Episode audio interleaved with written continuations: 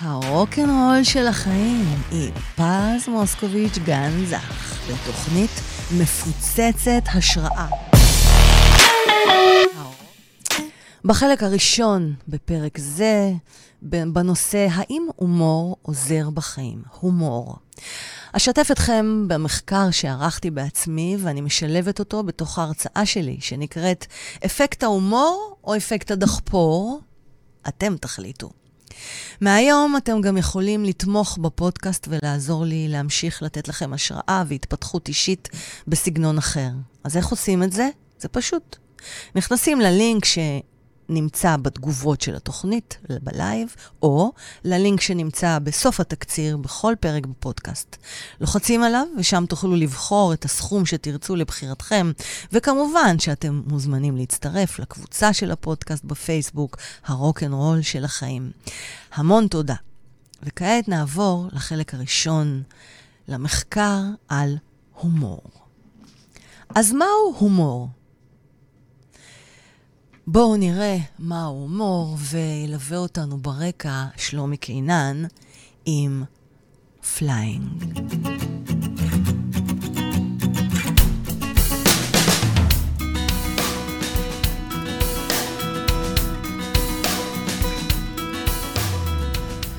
הומור הוא צורת תקשורת המשמשת לגרימת צחוק.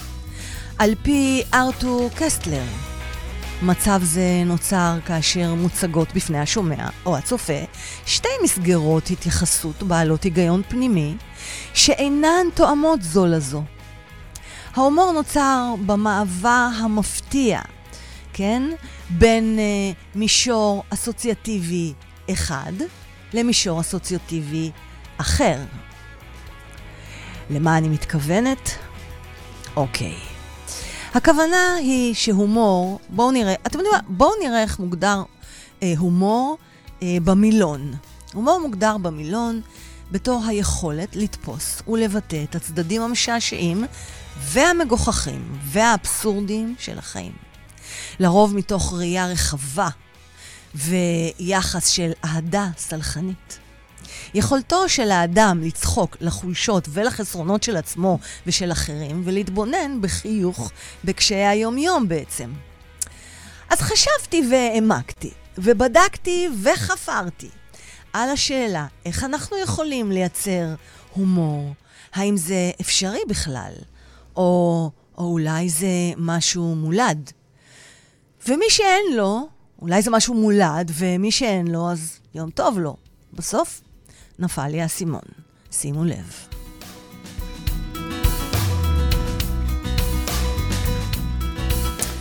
קראתי לזה אפקט ההומור או אפקט הדחפור.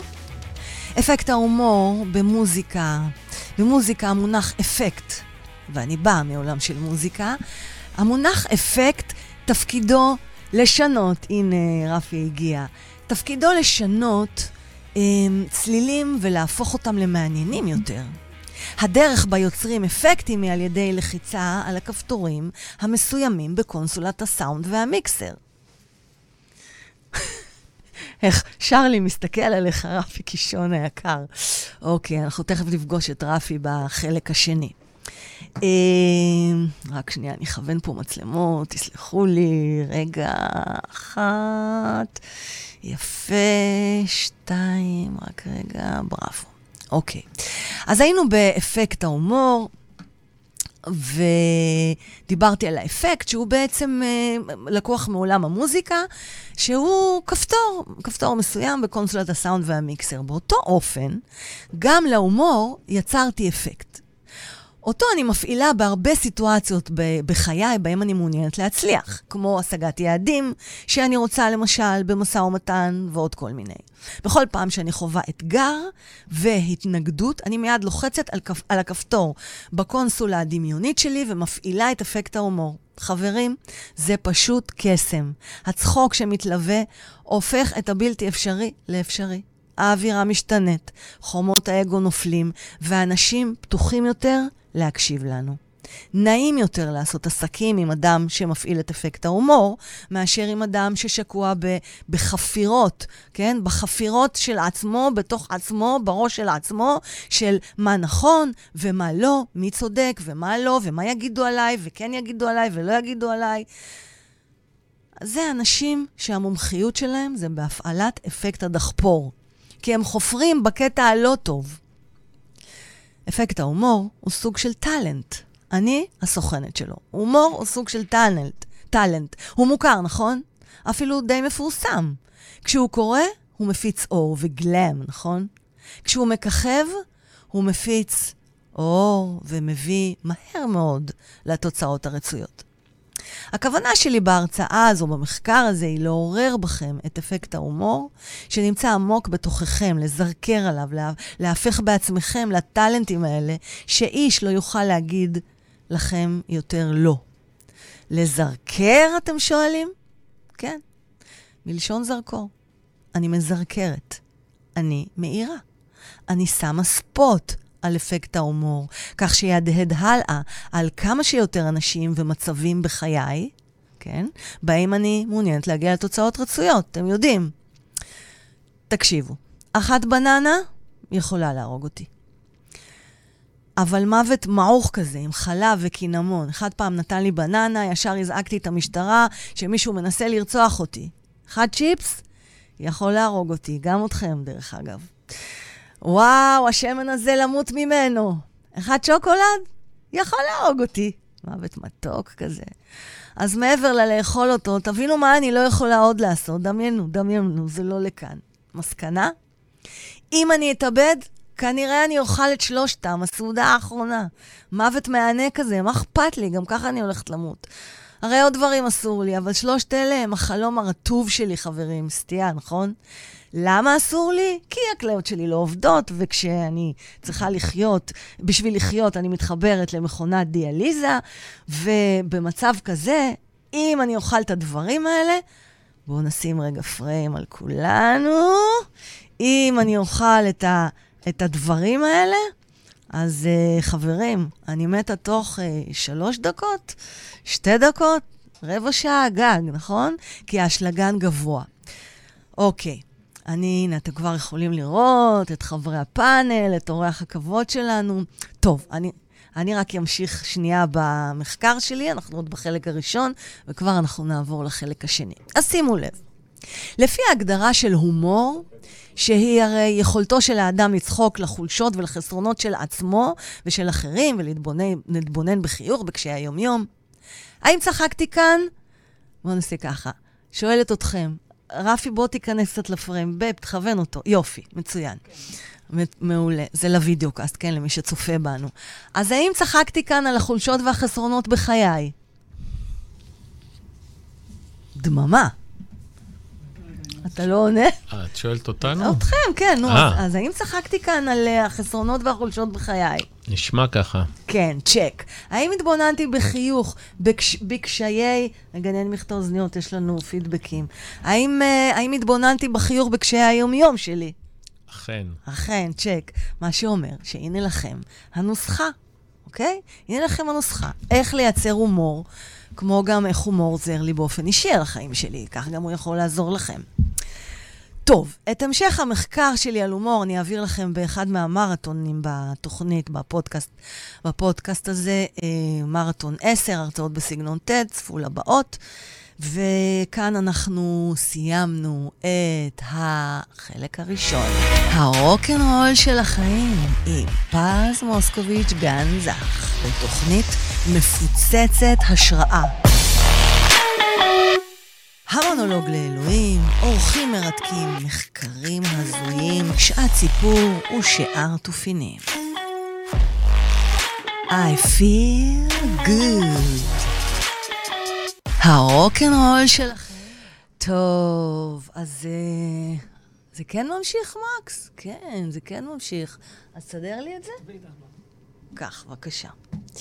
טוב.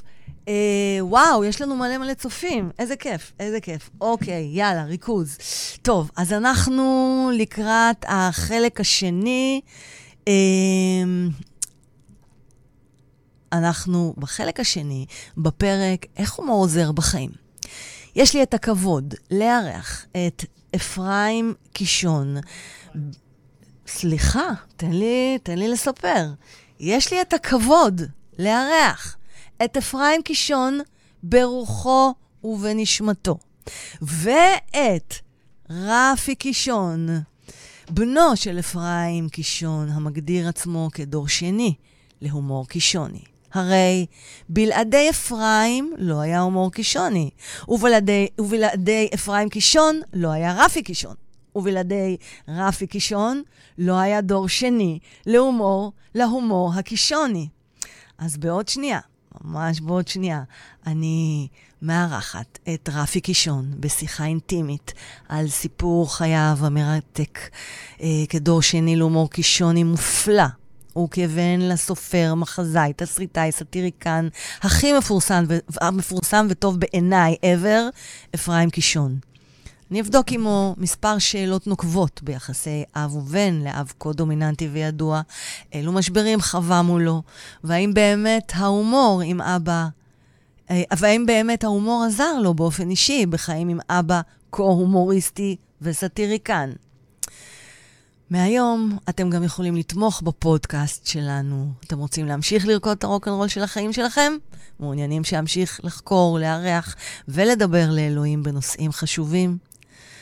אז uh, אני יותר מאשמח שתתמכו בפודקאסט, בלינק שאנחנו נדביק כאן בתגובות. אורן, אתה מוזמן להדביק בתגובות, ואפשר גם לראות אותו בלינק של כל פרק בפודקאסט בסוף התקציר הטקסטו, הטקסטואלי שלו. אז uh, אנחנו נשים את האות שלנו, וכבר אנחנו מתחילים. הרוקנרול של החיים עם פז מוסקוביץ' גן זך, בתוכנית מפוצצת השראה. הרוקנרול של החיים עם פז מוסקוביץ' גן זך, בתוכנית... טוב, סליחה על כל התקלות והרפיטים של, ה... של הפתיחים. זה עדיין ממשיך, מקס, אבל uh, לא נורא. טוב, um, נעבור למצלמה 2, ואני רוצה לה, להזמין את רפי קישון. אה, רק שנייה, רק שנייה, מה קורה לי היום? או, הנה, יופי. אני כנראה מתרגשת, אין מה לעשות, זה, זה דווקא טוב, נכון? מצוין. אני מבין גם שאחרי שסיפרת לכולם על הבעיות הרפואיות שלך, כן. עכשיו כולם מבינים למה רצית שיהיה פה לידך וטרינר, לכל מקרה. בייבי, אתה חייב לדבר למיקרופון, לא שומעים אותך. כן, כן. אתה פתוח. כן. אתה פתוח. אז כן, איזה מזל שיש פה וטרינר, וגם שר לי פה. זהו, לקח לי שנייה לראות. שיושב פה הכלב המקסים הזה, כן. חמוד ושקט, הוא יודע איך להתנהג באולפנים כנראה. לגמרי, כן, את הרועשות לא הבאנו. כן. את הרועשות לא אה, הבאנו. יש עוד שתיים. יפה. גילי וליזה, ויש עוד... כל הכבוד. אנחנו הורים ל-11. וואו, עם חתולים גם? שלושה נובחים, שמונה מייללים. יפה, מושלם. אלה הילדים שלנו. אז, אה, אז מה שלומך, רפי? טוב מאוד, אה, האמת, תקופה נחמדה. איכשהו הקורונה באמת לימדה לא רק אותי, אני מניח את כולנו, קצת ליהנות מהשקט, השלווה. האמת שאני בכלל שאפתי להגיע כבר לפנסיה מוקדמת. למה? כי, את יודעת, להשקיע בדברים שכיפים לעשות. זאת אומרת, לא רק להתמקד בעבודה כדי להתפרנס, אלא להתמקד בדברים שכיף לעשות. כמו מה? תספר לנו. ו... ו... ובכלל, לנוח, אה, לא, לא, לא להתיש את עצמי יותר מדי. מה, דברים שכיפים לעשות היום בעצם, תראי, קודם כל, אני מאוד אוהב את העבודה הווטרינרית. אני עובד כל בוקר במרפאה הווטרינרית שלי, לעבוד עם החיות המקסימות. כן. וגם עם הבעלים שלהם אני מסתדר טוב, וזה בהחלט, כמו שאמרת, בזכות ההומור. מרפאה וטרינרית זה תיאטרון בלתי נגמר. אה, שם... אה, כן, אה, רואים יחסי הורים-כלבים. כן, ההומור עוזר מאוד, את מבינה? כי אנשים לפעמים באים במתח, והם לחוצים, ואתה מצחיק אותם. אני עוד זוכר כשעבדתי עם דוקטור גלאס המיתולוגי, עוד עד היום אני משתמש בבדיחות שלו, כמו אנשים באים, איזה כלב זה, איזה גזע עכשיו, זה כן, אי אפשר לאתר אותו. מעורב. אז אתה אומר, לא, זה כלב רועים. אה, זה כלב רועים? כן, רואים שהוא כלב. שטויות כאלה, או... מה, מה יש לו? ואתה רואה, אין לכלב כלום. אתה אומר, אה, זה תסמונת GMG. וואי, מה זה GMG? גורנישט mit גורנישט. זה, זה עוד הבדיחות הקלאסיות של דוקטור גלאזר, אבל כל הזמן יש דברים. סתם, יש לי למשל... אה, במרפאה באים אנשים, תמיד אומרים, תראה, באים מאיזה פצפון כזה, מה, הוא נובח והוא לא נותן לנו שקט, או שהוא מתנפל ואנחנו לא יודעים מה לעשות. אני אומר, אין בעיה, תקנו את ערכת האילוף והחינוך של דוקטור קישון, אני ניגש לפינה, מוציא נבוט ענק כזה, אני אסביר לכם איך להשתמש בזה. וזה האמת, הישראלים כל כך צרכני הומור נהדרים. לא היה לי מקרה אחד שמישהו לא צחק, כן? ואני תמיד אומר, בניגוד, אני עבדתי בגרמניה גם במרפאה גדולה, בטח שם אם הייתי אומר את זה, אז הם אומרים, לוקחים... או, דוקטור קישון, זה טוב מאוד, אני אקנה שניים, אחד לילדים גם, זה נראה לי טוב מאוד. הם היו לוקחים את הנבוט עליך, אם זה היה בגרמניה. לא, לא, אם הדוקטור אמר, אז עושים את זה. מה אבא שלך היה אומר על זה? אפרים. היה אומר שכנראה ירשתי את ההומור המצוין שלי מאימא שלי או משהו. זו הייתה גם בדיחה שלו. אז האמת, זה אמרת, זה דבר אחד שאני נהנה בעבודה וטרינרית, אבל התחביב החדש שהפך למקצוע אפילו רווחי מאוד, זה שהתחלתי כבר מאז חמש-שש שנים אפילו, להעלות מופע על חייו של אבא שלי, על ההומור. הבידור והסרטים של אפרים קישון, מדהים. ככה זה נקרא. וזה התחיל אה, בצניעות עם איזה חוג בית שתיים, וזה מיד התפוצץ, כי התברר שיש צמאון אדיר לשמוע על הסיפור המופלא של האדם הזה, לשמוע את כל ההומור של חייו, לשמוע... ו... ומסביב, ועם קטעי הסרטים שאני מקרין, זה הפך להופעה נהדרת, ש- שמתאימה לכל גווני הקשת הישראלית. אתה עושה את זה בבית שלך, נכון? בדיוק, בסלון? בדיוק, טוב שהזכרת לי כבר להזכיר את ספר. זה. ספר. מאז הקורונה, חברתי הטובה, לא איתו לי, שהיא יזמית ועבדה פעם גם בתחום האמרגנות, אז היא אמרה לי, תשמע, ההופעה שלך מדהימה, זה נורא מתאים לעשות אותה פה בסלון הגדול. אמרתי לה, תראי, כל עוד יש הגבלה ל-20 איש, אין לי כוח. ברגע שפתחנו את זה ל-40-50 איש, כן. אמרנו, בוא ננסה, פתחנו, בום, פיצוץ. כרטיסים נמכרו כמו לעומר האדם. מדהים. תוך שבוע הלך הכל. עוד שבועיים פתחנו... אז אתה שומע, עומר, אה, רפי? וככה אנחנו פותחים כל שבועיים הופעה הופעה. עכשיו יש הופעה... הייתה עכשיו האחרונה, ביום חמישי, מלאה לגמרי. מתי זה יהיה בחצר? אני בקבוצת סיכון, אני לא יכולה לבוא לסלון סגור. אה, אז דרך אגב, בגלל שזה... אז אולי נעשה בחצר שלנו. קודם כל, חוגי בית אני תמיד עושה בכל מקום, על גגות ועל חצרות וליד אוקיי. הבריכה, ובכל מקום שיש. ואני רוצה רק להגיד שההופעה הבאה בבית, שהיה ב-28 לעשירי, היא גם... עוד מעט. סולד אאוט כבר, אבל ש... יש עוד אחת ב-13 ל-11, אפשר להתקשר לטולי ולהתיישר, תוכלו לראות את זה בפייסבוק. איפה זה בארץ? סליחה שאני... באפקה, אפקה תל אביב. אה. לא, במיוחד שזה הבית ההיסטורי של אבא שלי, אוי, כן? נהדר. אה, מדהים. זה לא הזכרתי, זה הבית הזה, זה הבית שאבי חי בו, יצר בו. עבד בו, כל החדר שלו נשאר שם, התמונות, הפוסטרים שלו. מדהים. אז כך שאנשים שומעים את סיפור חייו במקום, הבית יופי. הזה נבנה, דרך אגב, מהכספים שאבי הרוויח מסלח שבתי, כן? זאת אומרת, זה בוא, ממש בוא, בוא נשמע רגע. מקום היסטורי. בוא, בוא נדבר uh, תוך כדי זה. אני, אני רוצה לשאול רגע משהו. יאללה, תשאל. אני, אני, אני, לדעתי, גם אביחי היה סוג של יזם, כי, כי היו לו כל מיני רעיונות. אני זוכר מהילדות שלי, שאנחנו משחקים מונופול. מונופול סוג של מונופול, חבילה הגיעה, כן. כן. ככה זה נקרא, בדיוק. היה שולח אותך מס הכנסה וזה, כל מיני דברים מצחיקים נורא. תראה, ברגע שאבי נחת בארץ כעולה חדש, בלי לדעת מילה עברית, הוא התחיל לקלוט את כל הרשמים שלו מהמדינה, דבר שקרה לו, גרם לו די מהר לקרוא למדינה הזאת פרטצ'יה. מדינת הבלגן. הוא המציא את הפרטאץ'? כן, זאת אומרת, יש את הביטוי פרטאץ', שהיו אומרים על בן אדם שהוא פרטאץ', אוקיי. שהוא כזה בלגניסט, לא מסודר, כן. אפשר לסמוך עליו, והוא הפך את זה לשם למדינת ישראל, פרטצ'יה, או פרטצ'יה עילית. מדהים. או יש ספר שלו שנקרא פרטצ'יה נכון? אהובתי, כן? פרטצ'יה אהובתי. באהבה רבה הוא אמר את גדול. כל הביקורת שלו, אבל הוא קלט מיד את הבלגן, את חוסר הסדר, את הפקידים שממררים את חיינו, ובאותה מידה את כל הבירוקרטיה הנוראית שממררת את חיינו, ואז הוא הלך, הוציא ספר, אה, משחק. שבו אתה צריך דבר פשוט, ללכת לנמל, להוציא את החבילה שהגיעה מהדוד מאמריקה, מה יותר פשוט? אתה מגיע לנמל, בבקשה, צריך תאמצא לנו תעודת זהות. אין בעיה, אתה הולך למשרד הפנים. משרד הפנים, אין בעיה, תביא רישום נישואים של הסבתא. אתה הולך רישום נישואים של הסבתא, תביא תעודת יושר במשטרה. תעודת יושר, תביא אישור חיסון כלבת. אישור זה חיסון כלבת. משחק קופסה, אפשר להשיג אותו היום? כן, כן, זה מה שמדהים, המשחק עדיין קיים, והוא יוצא הוא כל פעם? במהדורה. הוא נמכר, אני אתה תלך בסטימצקי. למשל. בדיוק סטימצקי הודיעו לי לפני כמה חודשים לא שהוא בדיוק. במבצע אפילו. אני לא מאמין. וכל הזמן מדהים. משחקים. ממליץ לכל מדהים. מי שיש לו גם ילדים, והוא רוצה להכין אותם לתלעובות החיים, לכל הצרות הבירוקרטיות. שבחיים, זה המשחק. שהוא מצחיק. כמובן גם מלא הומור, יש כל מיני כן. הפתעות מצחיקות. הכלב של השכנים נשך אותך, קבל שלוש לירות, אה, כל מיני שטויות מצחיקות. אפרופו. שלוש, אני רוצה רגע שאלה כבדה, אבל אני בטוחה שאתה תדע לעשות ממנה הומור. אבא שלך, אפרים קישון, שרד, ניצל שלוש פעמים במהלך השואה. יכול לספר לנו רגע, בנקודת מבט אינטימית שאתה מכיר ממנו, איך הוא, איך הוא ניצל שלוש פעמים, ואיך ההומור עזר לו לשרוד באמת את הסיפור הקשה שהוא עבר שם? תספר כן. לנו עליו קצת. זהו, בהופעת ההומור שלי, החלק הראשון בכלל, אני מסביר שהוא גדל כיהודי הונגרי, הרגיש אזרח הונגרי לכל דבר, היהדות הייתה דבר חסר משמעות בשבילו, ואז בום, נחתה עליו השואה, אגרוף פלדה שהוטח בפרצופו של הנער היהודי התמים, שהבהיר לו שהוא לא אזרח שווה זכויות.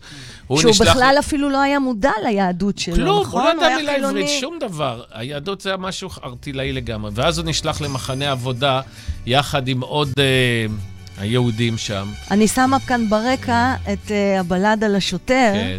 כי תספר לנו, ואז אני רוצה לראות בכלל אם באמת מהקשיים שהוא עבר שם, באו המילים המדהימות לשיר הזה. כן. אז, אז, אז, אז זה יפה שאת אומרת, כי בדיוק זה מה שאני אסביר, שבזכות השואה בעצם נוצר ההומור הקישוני המיוחד יוצא הדופן.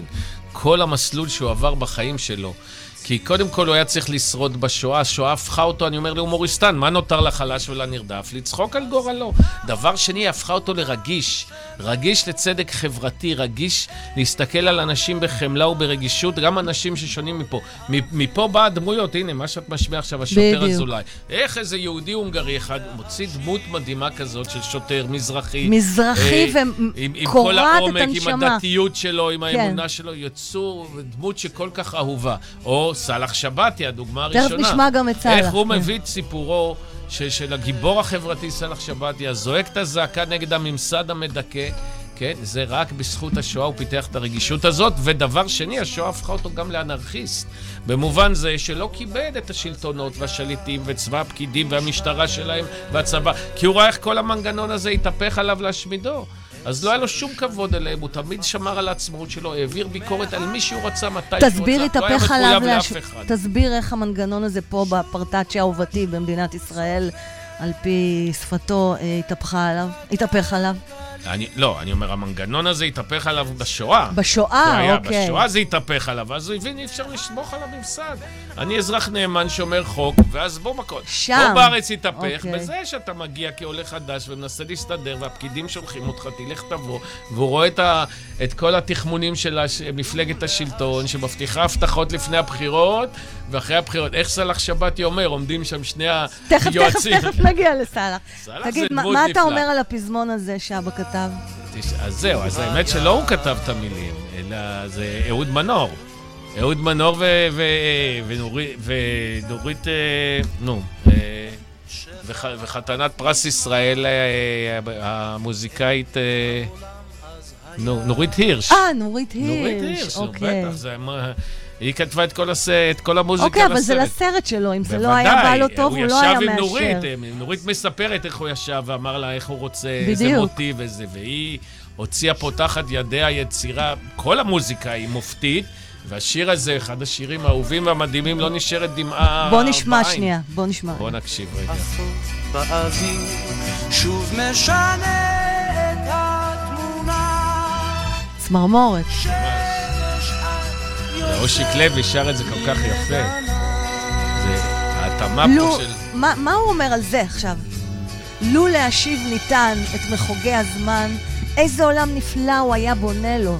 יש פה המון המון תסכול, אם היה אפשר נכון, לחיות נכון. פעמיים. נכון, זה, זו הדמות הטרגית, קומית הזאת.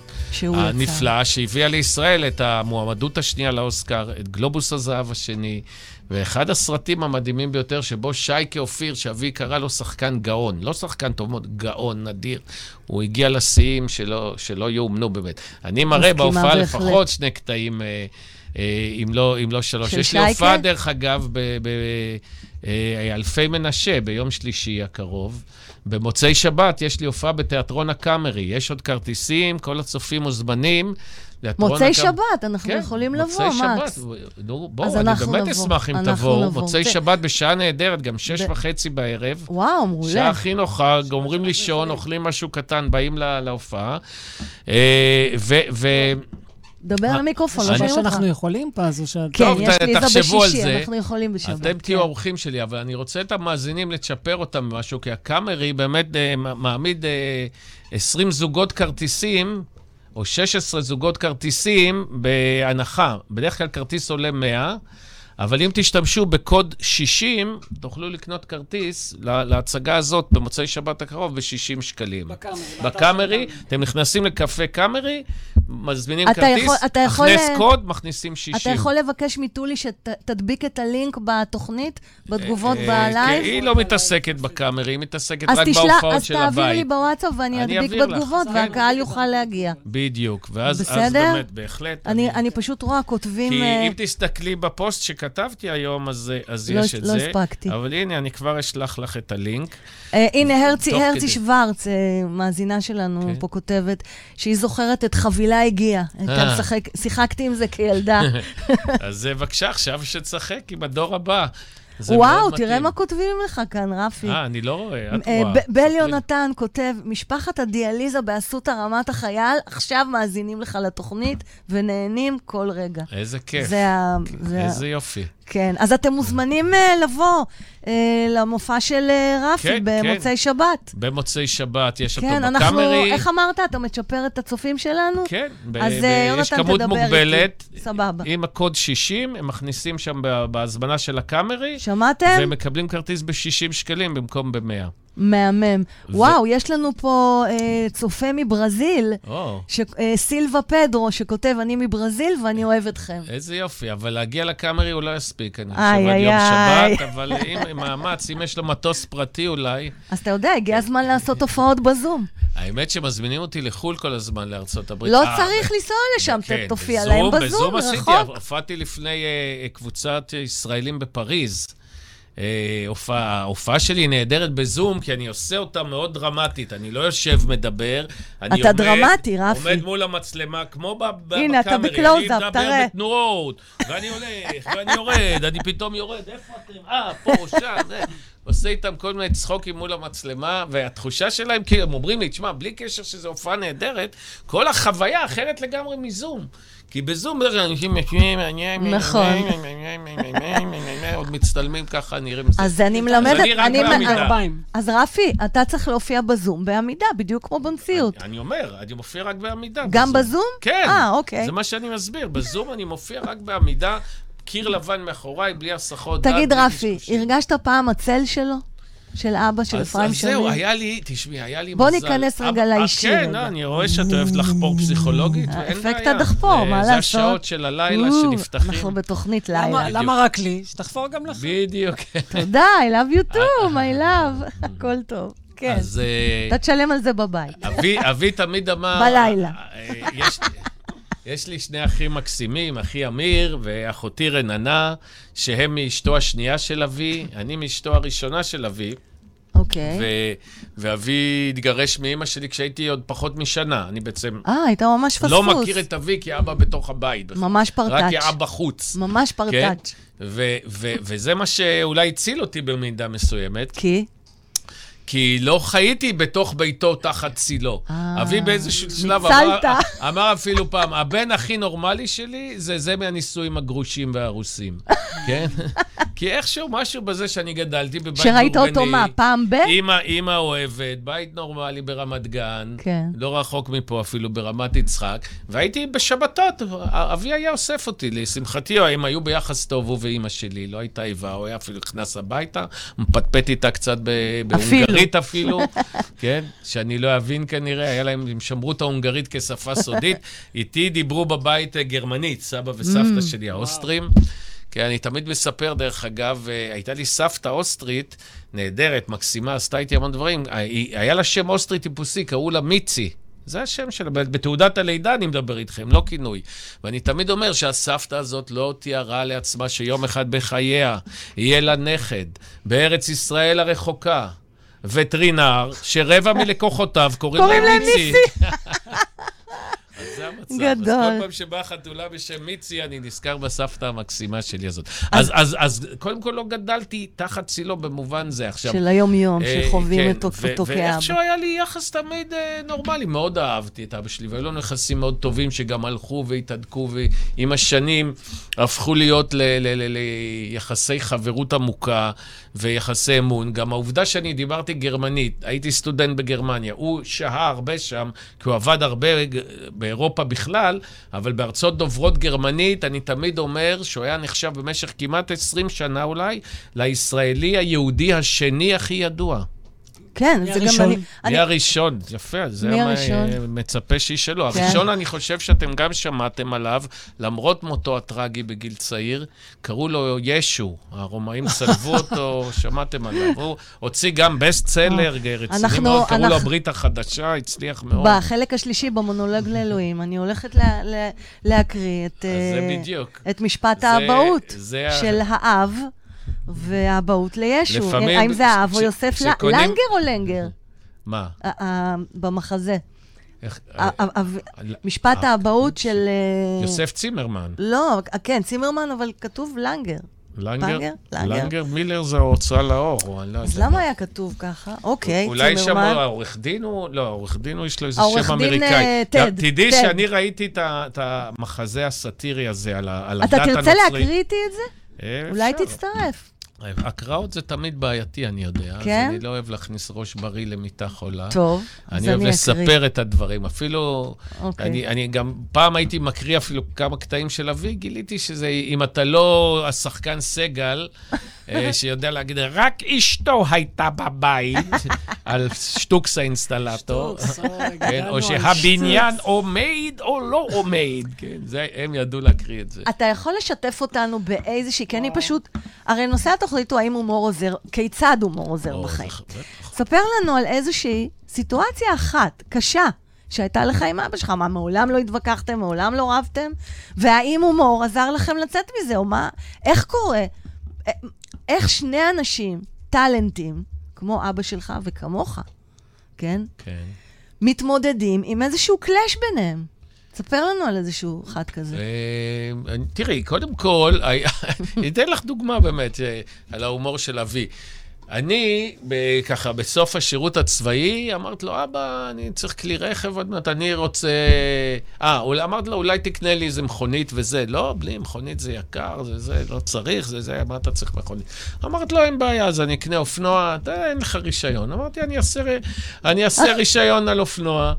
אז אבי אמר, כן, תעשה על אופנוע, באמת, היום המדע, האורתופדיה והכירורגיה כל כך נהדר, יש. פרוטזות, פרוטזות כל כך טובות, אתה יכול להרים איתם גרגיר אורז, אין בעיה, תלך תלמד יתקנו. אותך. כן, זה ההומור שלו. אין בעיה, בני, היום יש פרוטזות יוצאות מן הכלל, אתה יכול ללמוד אופנוע, אבל הלכתי ללמוד אופנוע, קנה לי חיפושית. אומנם ישנה וחבוטה, כן? אבל אה, המכונית הראשונה שלי הייתה חיפושית, אני זוכר, עלתה יפה. 20 אה, לא רע. 20 אלף לירות, אני יודע מה עלתה. בתור מכונית אה, ראשונה. כן, חיפושים. זה היה מגניב. חיפושית זה היה משהו. אז תשמע, זה מדהים, כי אבא רגיל היה אומר, מה פתאום, זה מסוכן, אל תעשה רישיון לאופנוע. בא אפרים שמיר, הגאון, ועונה לבנו, הגאון לא פחות. אפרים קישון, כן. סליחה, אפרים קישון. אה, אני כבר... אמרתי היום, אמרתי אפרים שמיר. יש שין. שיבורך לחיים ארוכים, אפרים שמיר.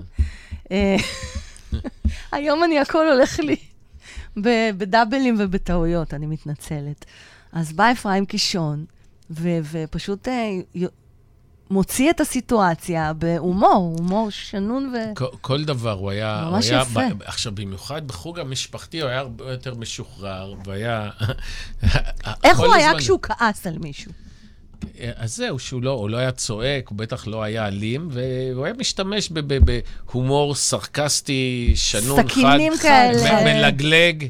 כן, מדהים. ו- ונגיד, היה תקופה שגידלתי שיער. לא יודע, בא לי פתאום, גידלתי... עד לא. היום. ואבי אבי תמיד חשב שיש לי פנים יפות ואני נראה מאוד טוב, הוא היה קורא לי, אתה יודע מה, אתה ממש דודו טופז הישראלי. דודו טופז הישראלי. זו מצוין. הבדיחה שלו. אז, גידלתי שיער, הוא אמר לי, בני, זה לא נראה טוב. אני אומר לו, לא, אבא." אז, אז הוא אומר לי, שמע, בני, לא מרגיז אותי זה שאתה לא נראה טוב, מרגיז אותי שאתה אידיוט. שאתה לא מבין כמה חשוב להיראות טוב. והוא הסביר זה לא שזה חשוב כי זה זה, אלא מהות, אלא זה עוזר לך בחיים, בדרך, כן?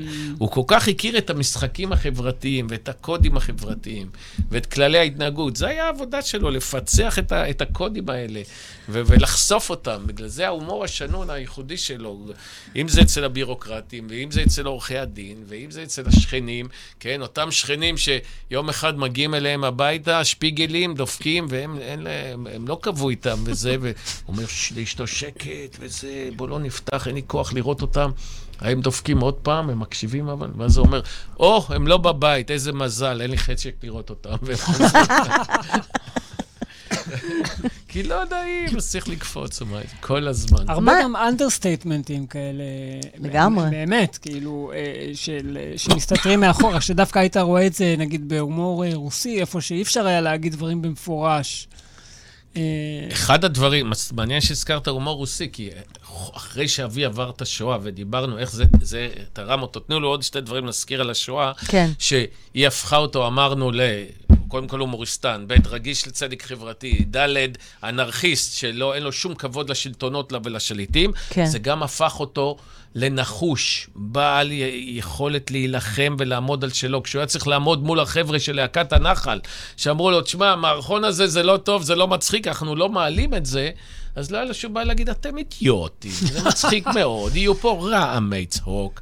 אני יכול לספר לכם את כל הסיפור, זה סיפור מדהים, כי הם כמעט רצו לזרוק את, את, את המערכון הראשון שהוא הביא, שהוליד את סאלח שבתי. וואו. כי הם אמרו, זה סיפור עצוב, הקהל יברח. והוא אמר להם, לא, זה, אתם אידיוטים. ואז טופול אומר לו, וכל חברי הלקח, אנחנו לא מעלים את זה. אז הוא אומר, טוב, אז אני אלך הביתה, אין לי מה לעשות איתכם. טוב, טוב, אמרו לו, בואו, פעם אחת אני מעלה את זה בהופעה במועדון הקצינים בחיפה. אה, יש קהל נהדר, אבל אה, רק להוכיח לך, בוא נתפלל שהקהל לא יברח. וטופול מספר, אני מתחיל את הדיאלוגים של קישון, שבעינינו היו עצובים וכבדים נכון. על בעיית המזרחים במעברה, והקשיים של סלאח. הכל הסיטואציה והוא אומר, מאוד והקהל קשה. מתפוצץ בצחוק, רעמי צחוק שלא היו כדוגמתם, התקרה רועדת, ואני אומר, טופול, בדיכאון קיומי. מה הם צוחקים? ראינו כמה זה עצוב. איך הוא ידע את זה, הגאון הזה? אז הוא אומר, נגמרת ההצגה, קישון עומד, מחכה לנו, החוכמולוגים שאמרו לו שזה לא מצחיק. נעמדנו סביבו חברי להקת הנחל בחצי גורן, מבטנו שפוף משהו. קישון היה נראה גבוה ב-20 סנטימטר משהו. ואז, ואז הוא אומר לנו רק משפט קצר אחד. אמרתי להם שאתם אידיוטים. ומי המציא את המונח, את אחי הרב ירב? אנחנו שומעים את זה עכשיו כן, ברקע. זה חיים חפר שכתב את זה. יא רב, יא רב. בוא נשמע. זה כבר מהמחזמר, כן? נו. וואל. איפה, איפה, איפה? ארץ ישראל.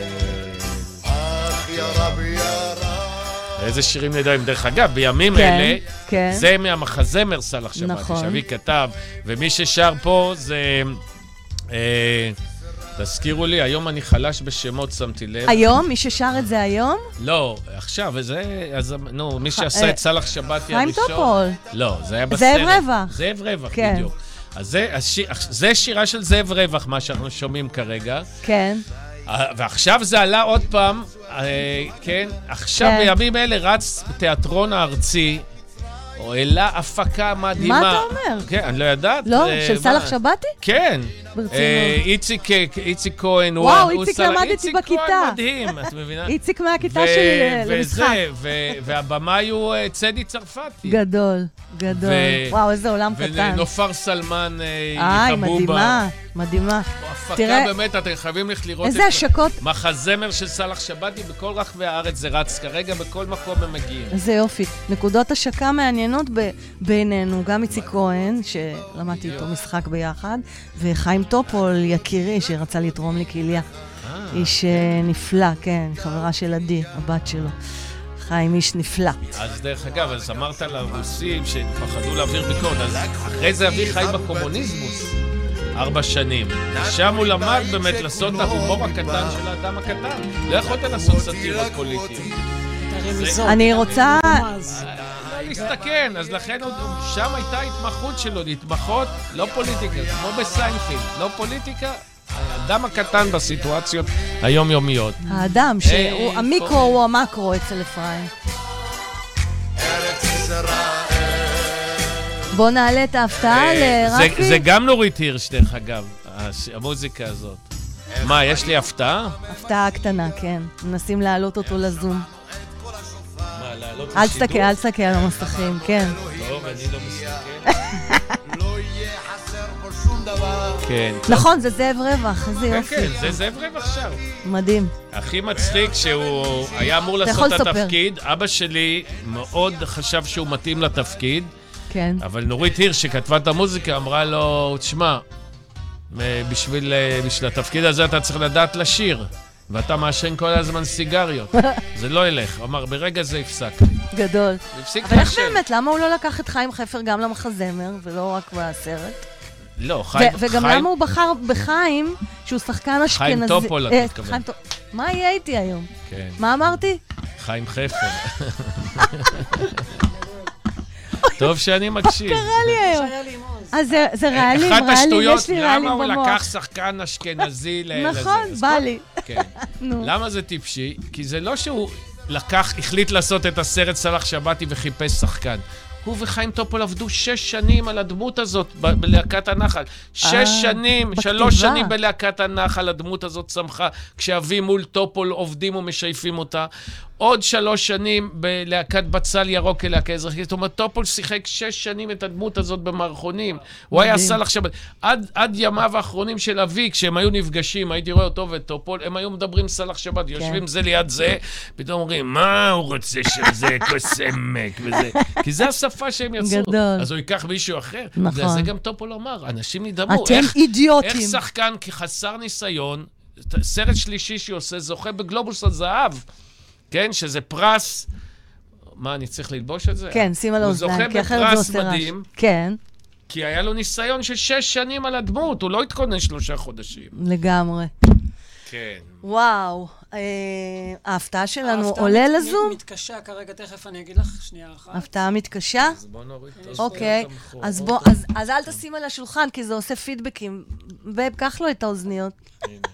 קח ממנו את האוזניות, ואז יכול לדפוק על השולחן בשקט. כן. אמ, מה עם תקופת אה, הגשש החיוור?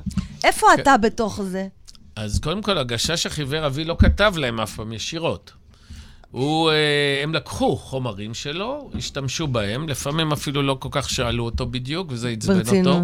אבל הם היו בקשר. אסור לקחת חומרים ככה הסיפור סתם. הידוע עם מה, הגשש לא היה החיוור... זכויות יוצרים אז? הסיפור הידוע עם הגשש החיוור, כן. שפשנל, כן, כן, אבי. האומה של הגשש כן. החיוור בעיקר, הוא... בעיקר יצא לך. אז, אז הוא... לא אה, סתם, פרוידיאני. כשהוא, כשהוא, אה, הם גמרו את, הכינו את התוכנית הראשונה שלהם, ועוד לא יצאו איתה, אז הם, אה, אז הם, אה, הוא קרא לאבא שלי, שכבר היה אושיית הומור ידועה, כבר המחזה שלו, שמו הולך לפניו, הצליח מאוד, ועוד הרבה דברים.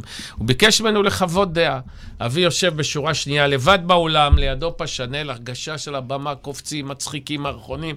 אבי יושב בפנים חתומות, שריר לא זע בפניו.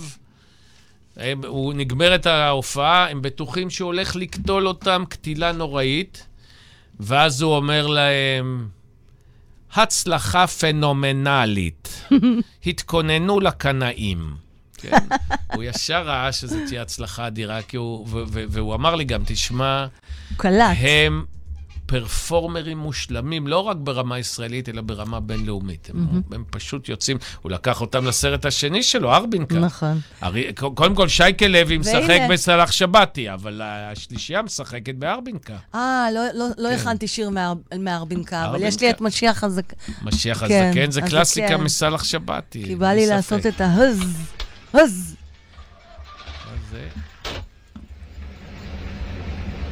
מה שומעים עכשיו?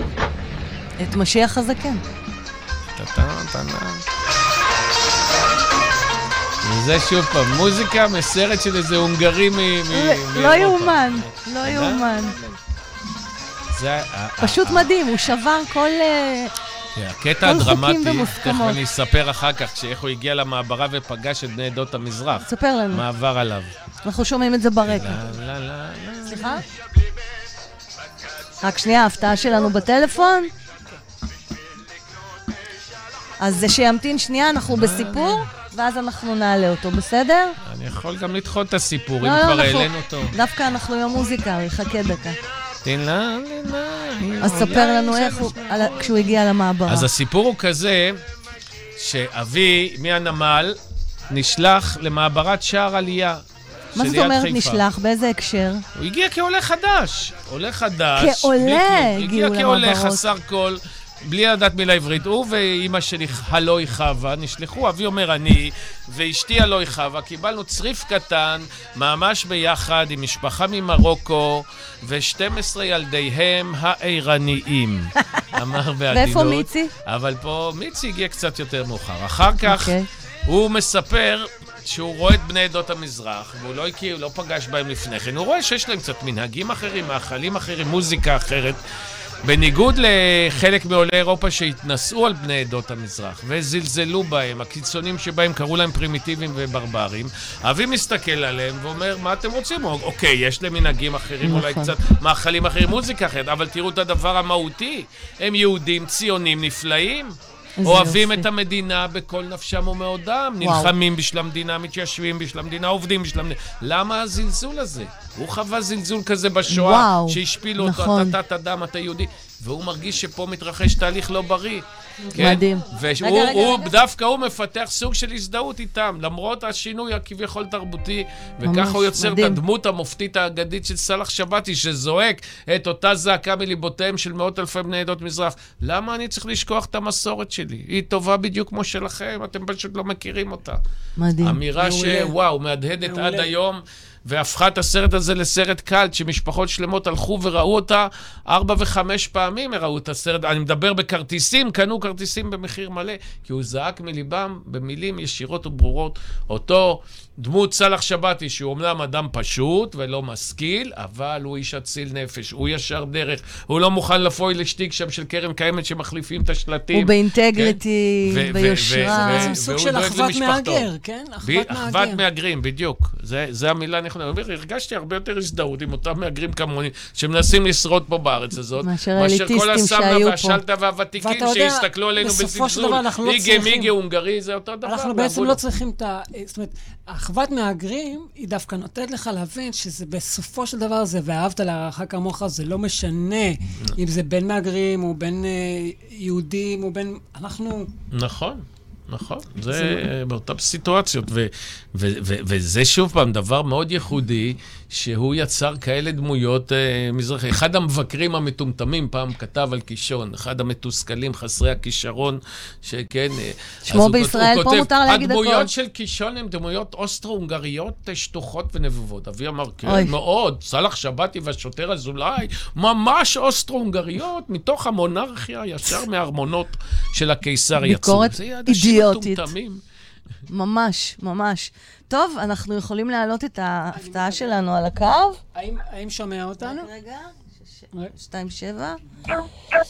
הלו, שלום. שלום. אז בואו, אה, אני אציג עכשיו, אה, קצת שומעים את ה...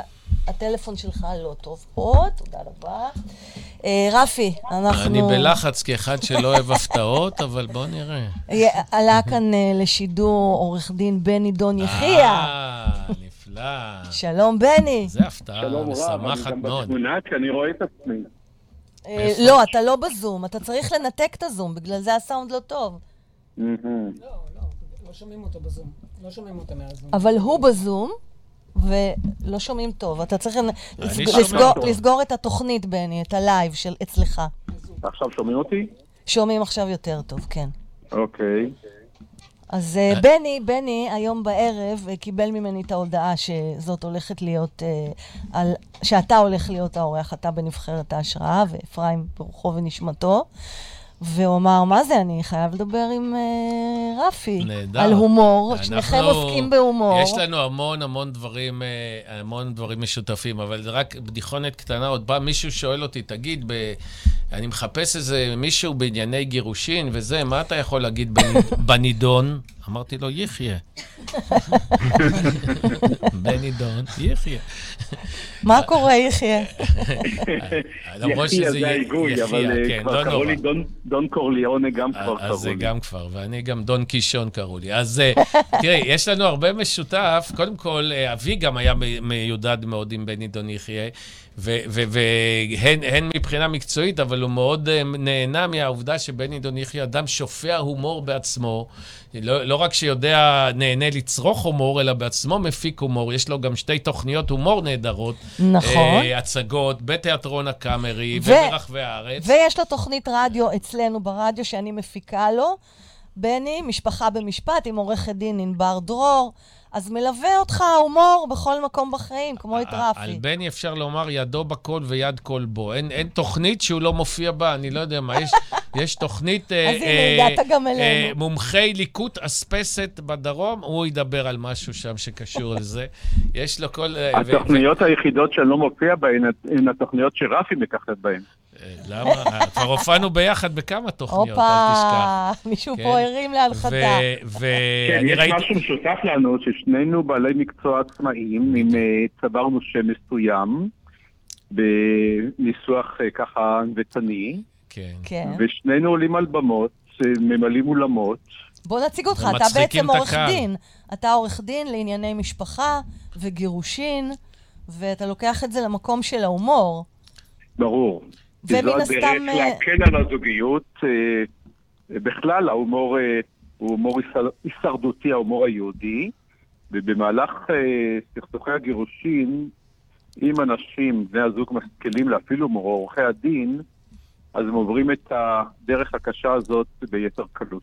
היום, היום uh, כתבת פוסט uh, ו, ואמרת, uh, איך אמרת על הטרוריסטים עם האישה? אני כבר לא זוכרת איך אומרים, תגיד את זה אתה, בני, זה נורא מצחיק. משפט חיזור... אה, ל- אה, כן, מה? כן. תגיד, אני לא... לא תגיד את זה אתה.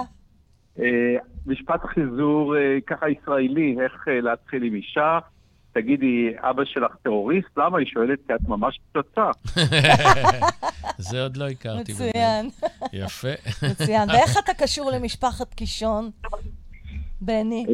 אפרים, אבא של אה, רפי. רפי, לפני הרבה שנים עשיתי בילויים בעיתון במחנה, ואז ראיינתי אותו לכתבה מאוד גדולה, ונוצר בינינו קליק. אה, אני הייתי מעריץ גדול שלו מאז ומתמיד, אני זוכר שבאתי, הבאתי את הבת הקטנה שלי אז, כן. ואמרתי לו, תשמע, אפרים, אני רציתי לראות אם ההומור שלך עדיין עובד. אז הקראתי פיליטון לבת שלי, והתגלגלה מצחוק, ואז החלטנו, אשתי ואני, שאולי בכל זאת לא נמסור אותה לאימוץ. אז אפרים לא ממש חייך, כי הוא אף פעם לא צחק לבדיחות של אחרים. אז איך הוא רק הגיב אמר לי? בני, אתה הונגרי? הוא לא היה מוכן לקבל שמישהו לא הונגרי מגלה איזה לכלוך של הומור. כן, לכלוך, כן. זה. נכון, וגם בני באמת, בזכותו באמת, הוא נתן לי את הרעיון שאפשר להופיע בקאמרי. יש את הקפה קאמרי, אתה בא, עומד, ראיתי את ההופ- את ההופעות של בני, איך הוא נהדר, עומד, ו- ו- ו- והקהל מש- אה, צוחק כל כך, וככה גם אני קיבלתי את ה drive, ו- וככה אני כבר ארבע שנים גם מופיע שם באמת אה, בקאמרי. וזה, וזה, וזה נתן לי. דרך אגב, באחת ההופעות אחרי הקאמרי עומדות שתי נשים מכובדות, מחכות לי, אומרות לי, מאוד נהנינו, עברת את מבחן הבד שלנו, אני שואל אותם, תודה, מי אתן? חשבתי, מנהלות מתנ"ס או ספרייה. הן אומרות לי, אנחנו, מנהל, אנחנו שתי שופטות של בית המשפט העליון. עברתי. לדום מתוח. התברר שהן מחפשות מופע הומור להרכב מלא של בית משפט שמתכנס במלון דן קיסריה, והם בחרו בי. וככה אני תמיד אומר, גבירותיי ורבותיי, מצאתי את עצמי עומד מול הקהל הכי מפחיד במדינת ישראל. הרכב מלא של. בית משפט, נוצר שבעיניי. זה היה הופעה יוצאת מן הכלל, באמת אה, אז הנה רעיון מקסימה. למרתון, אתה ובני בערב... לא, אה, אז אנחנו, יש לנו רעיון לעשות גם משהו ביחד, כי הוא מדבר על הניסויים, ואני נכון. אביא את הצד אולי של בעלי חיים, והצד של ההומור הקישוני. עשינו כבר כמה אפילו אה, אה, אה, מה- קטעים כאלה, ש- קצת סטנדאפ. מה שמקשר בינינו, רפי, זה שלא פעם בני זוג שנמצאים בסכסוך גירושים קשה מאוד עם אדמה חרוכה, מתנהגים בצורה חייתית. אוי, אוי, אז אוי. צריך וטרינר באזור. זה בדיוק, לא, לא, אם. כשהמגשר לא פועל, אז כבר צריך לקרוא לווטרינר, אתה אומר. וואי, לגמרי. כן, כן. אבל זה... הנה עוד אבל זה... אפיק הכנסה. אבל זה נכון, מה, ש, מה שבני אומר, ששנינו, יש לנו את הקריירות שלנו בתחום אחד, ואנחנו פלשנו לעולם ההומור ועולם המופעים, ואנחנו נהנים בו ומצליחים בו, ו, ואנחנו גם מחליפים הרבה. הרבה חוויות ב, בתחום הזה. צריך לדעת שאפרים, שעסק בכל ענייני החיים הקטנים, הזכרת את שטוקס האינטרטור ועוד דברים מעין אלה, היה לו הרבה מאוד התייחסות והומור לזוגיות, גם אולי בגלל שהוא אה, ממון. עבר גירושין. מהמחזה הכתובה, זה עושה כל הבתא המשפחתי, אחד המחזות המצליחים יותר. והו-הו יוליה, שתכף נכון. נדבר עליו. יש אה, סיפור נחמד מאוד שלו, שמופיע בספר הנפלא שלו, דו-שיח ביוגרפי, כן, שכתב אותו עם ירון אה, לונדון, לונדון, כן. על אה, רב האומן קורצ'נוי, רב האומן בשחמט הרוסי, שהוא יצא מחוץ לברית המועצות לשחק בכל מיני טורנירים שחמט, והרוסים לא אפשרו לאשתו להצטרף אליו. וקורצ'נוי מחל קשיחות ליבם בכל פורום בינלאומי. ובינתיים, מה הוא עשה? קורצ'נוי חי בשוויץ עם המזכירה שלו. הוא כתב ניצחונות בזה אחר זה, עד שהסובייטים התעוררו ושלחו אחריו את אשתו, כבקשתו, ומאז הוא הפסיד כמעט בכל הניצחונות.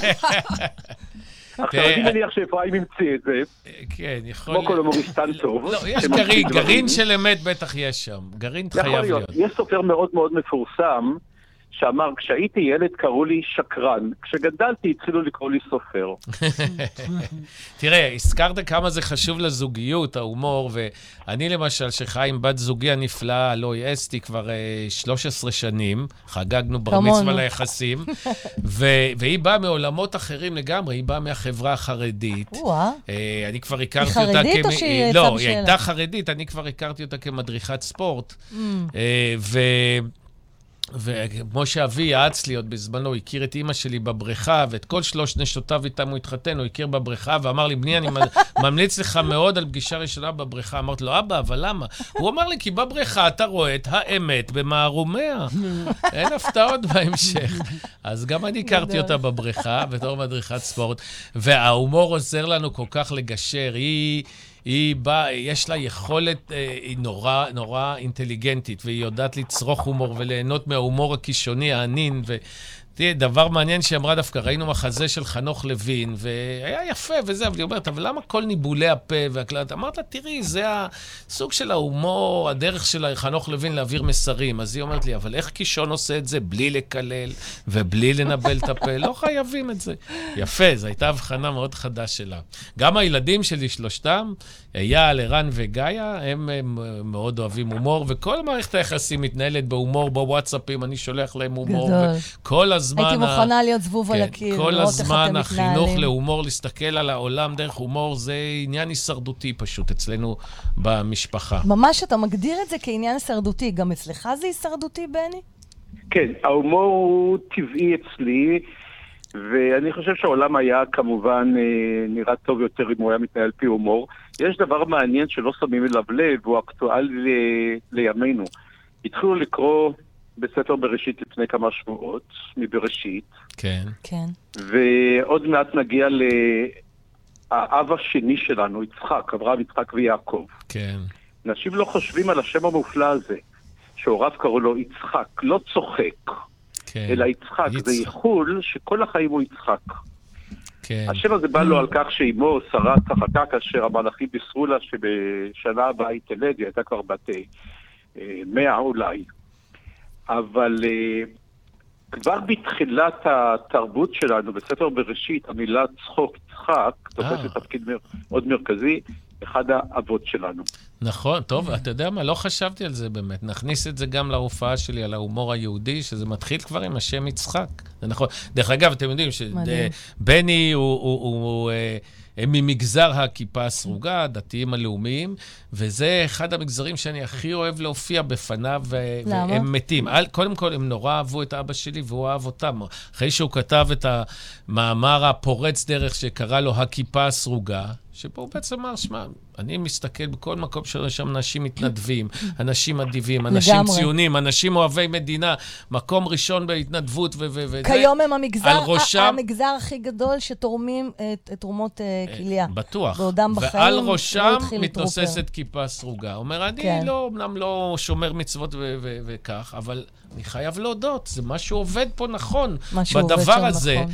ו- ו- ו- והוא כתב את זה, זה היה אמיץ מאוד, את מתארת לכם, ואחרי זה עוד כתב עוד גם על, ה- על, על, על מפעל ההתנחלות, שצריך לתת להם פרס ישראל. אתם מתארים לכם שהשמאל האינטלקטואלי די התנפל עליו, הממסד האינטלקטואלי, אבל הוא באומץ לב עמד על זה. יש ספר שלו, מקסים. שנקרא הכיפה אה, הסרוגה, ועוד אוסף מעניין. של סאטירות פרו-ישראליות שאורי אורבך ערך. כך שיוצא לי להופיע המון, המון, המון, סליחה, אני רק אשלים, יוצא לי להופיע המון בקרב המגזר הדתי-הלאומי.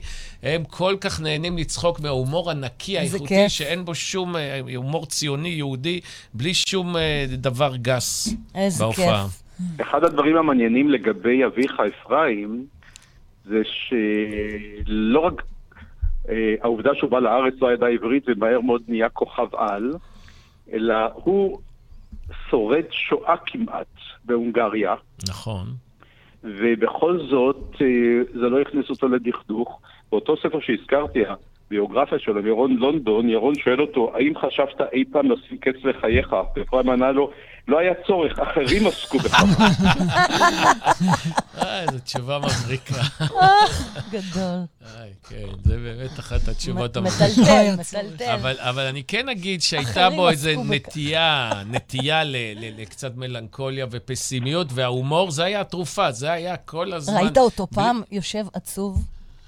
מוטרד, בוא נגיד. מוטרד. מוטרד, כן, מוטרדות היה לו את זה, זה גם סיפור נפלא שהוא סיפר לירון בספר, שאני לא יודע אם היה או לא היה. הוא אומר, הייתי במסיבה בניו יורק לפני הרבה שנים, מולי עמד דני קיי, היה ה... קומיקאי, כן.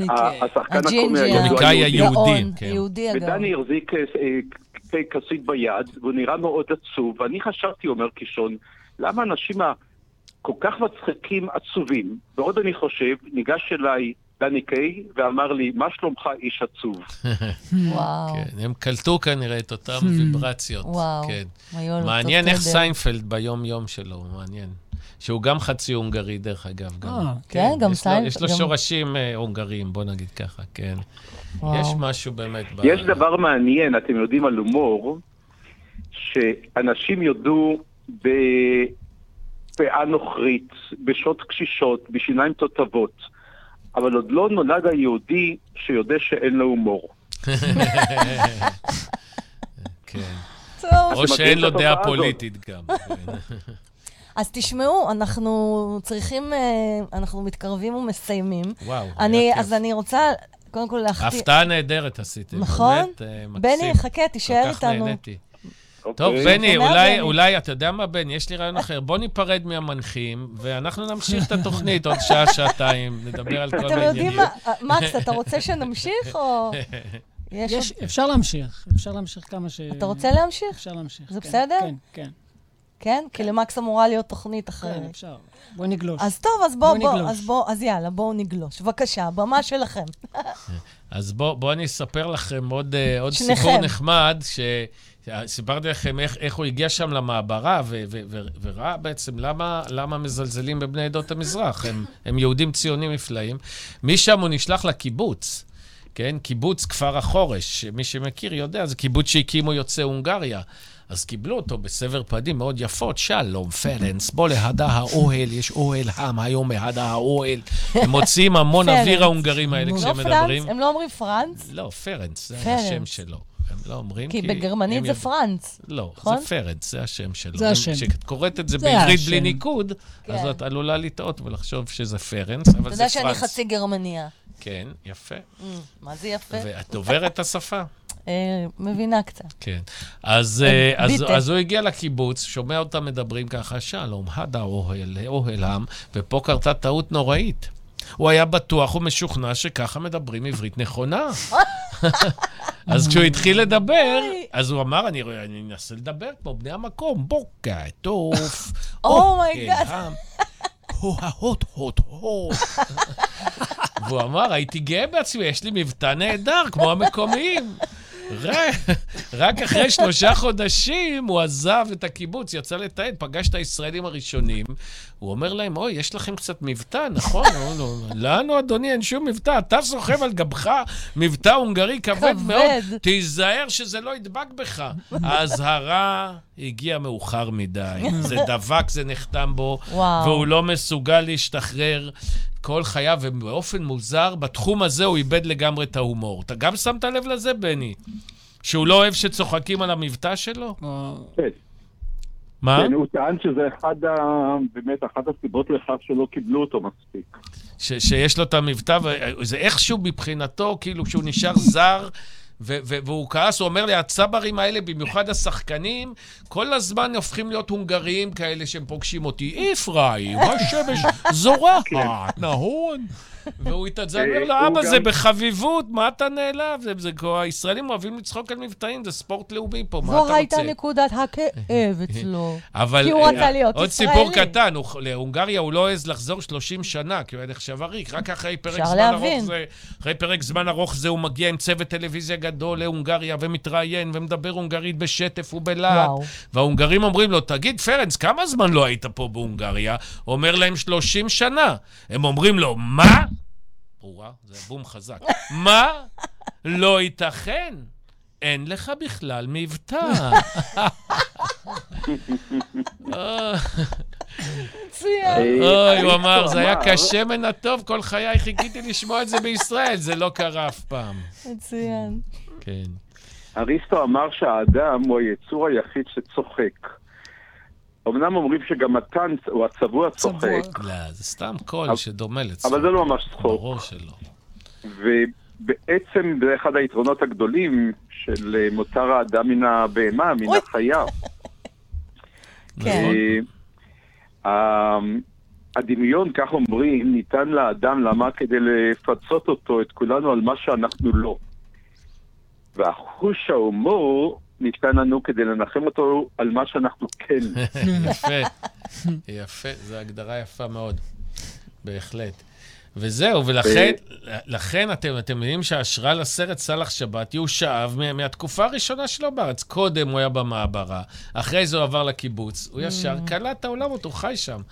דרך אגב, אני, אני, אה, בשביל ללמוד עברית בקיבוץ, שם הוא עשה את המהפך הדרמטי, כבר בקיבוץ הוא החליט ללמוד את השפה העברית. תוך חודשיים הוא התחיל לכתוב הומורסקות בהונגרית, לעיתון אוי-קלט, אבל הוא אמר, לא, אני לא אתפתה לזה, אני אהיה סופר עברי, אני אלמד את השפה הארורה הזאת והאיומה, והוא מתנפל על השפה בטירוף ומחליט ללמוד את המילון בעל פה, ומחליט לשנן כל יום 30 עד 50 מדהים, מילים. מדהים. אבל קשה ללמוד, חוזרים בערב עייפים. יום אחד באים אליו מהמזכירות פרנס, בעוד שבוע, שבוע אתה מתחיל תורנות, שלושה ימים, כמו כל חבר קיבוץ, סניטר. הוא אומר, או, זה נשמע מכובד, תזכירו לי מה זה בדיוק. מנקה בתי השימוש. נא לקחת דלי בספסנאות, מברשת ליזול, לשפשף טוב. מה, מי- אין ויכוחים, כל אחד עושה את זה. שלושה ימים הוא מסתובב בקיבוץ, מסריח, לא נעים, מנקה. אבל הוא מגלה שכל יום העבודה זה מסריח, אבל קצר, שעתיים הוא מסיים. הוא אומר, וואו, זה ייתן לי זמן ללמוד עברית. כשהוא חוזר למזכירות, אומרים לו, טוב, מה נשבץ אותך עכשיו? הוא אומר, לא, לא. הגעתי למסקנה שזה הייעוד שלי בחיים. תנו לי להגשים את עצמי בתחום שאני נמשך אליו כל כך. אומרים לו, מה, באמת זה- מה שאתה רוצה לעשות? כן, מאוד מאוד, וככה יש לו זמן, נו. מה אתה. אומר, בני? אחד הדברים בשבחו של אביך ז"ל הוא שההומור שלו לא היה גס. נכון, נכון. אין לו מילים גסות, אני חושב אפילו מילה אחת. המילה הכי גסה זה לעזאזל אולי. ואידיוטים. כן, זה ברור. בכל הכמויות האדירות שהוא כתב, דבר שמוכיח, בניגוד לסטנדאפיסטים וההומוריסטנים. הרבים בימינו, היום. בדיוק. נכון. אפשר להצחיק Mm. אה, נקודת מבט. מעניינת. לשון נקייה. זה דבר נורא חשוב. ממה שאתה אומר, כן. כן, אני אגיד לכם משהו, אחרי אני אספר לך פרפרה עליו, אני לא יודע אם סיפרתי לך.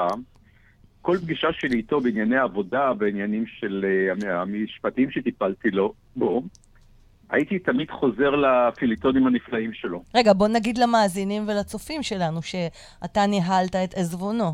כן. בני. נכון. כן, כן. עורך זה דין בני את- דון יחיאל, למי שנכנס עכשיו. כתבתי את הצוואה. שלו ונפגשנו פעמים רבות, ו... והייתי אומר לו, הוא רצה לדבר על עניינים משפטיים, ואני רציתי לדבר על, ה... על ההומור שלו, והייתי כן. נזכר בכל מיני פיליטונים שהיו מגלגלים אותי מצחוק, ועד היום שאני קורא לילדים שלי, הם צוחקים ואני צוחק. וכל פעם אמרתי לו, תגיד, אפרים, איך, איך כתבתי את זה? מאיפה זה בא לך?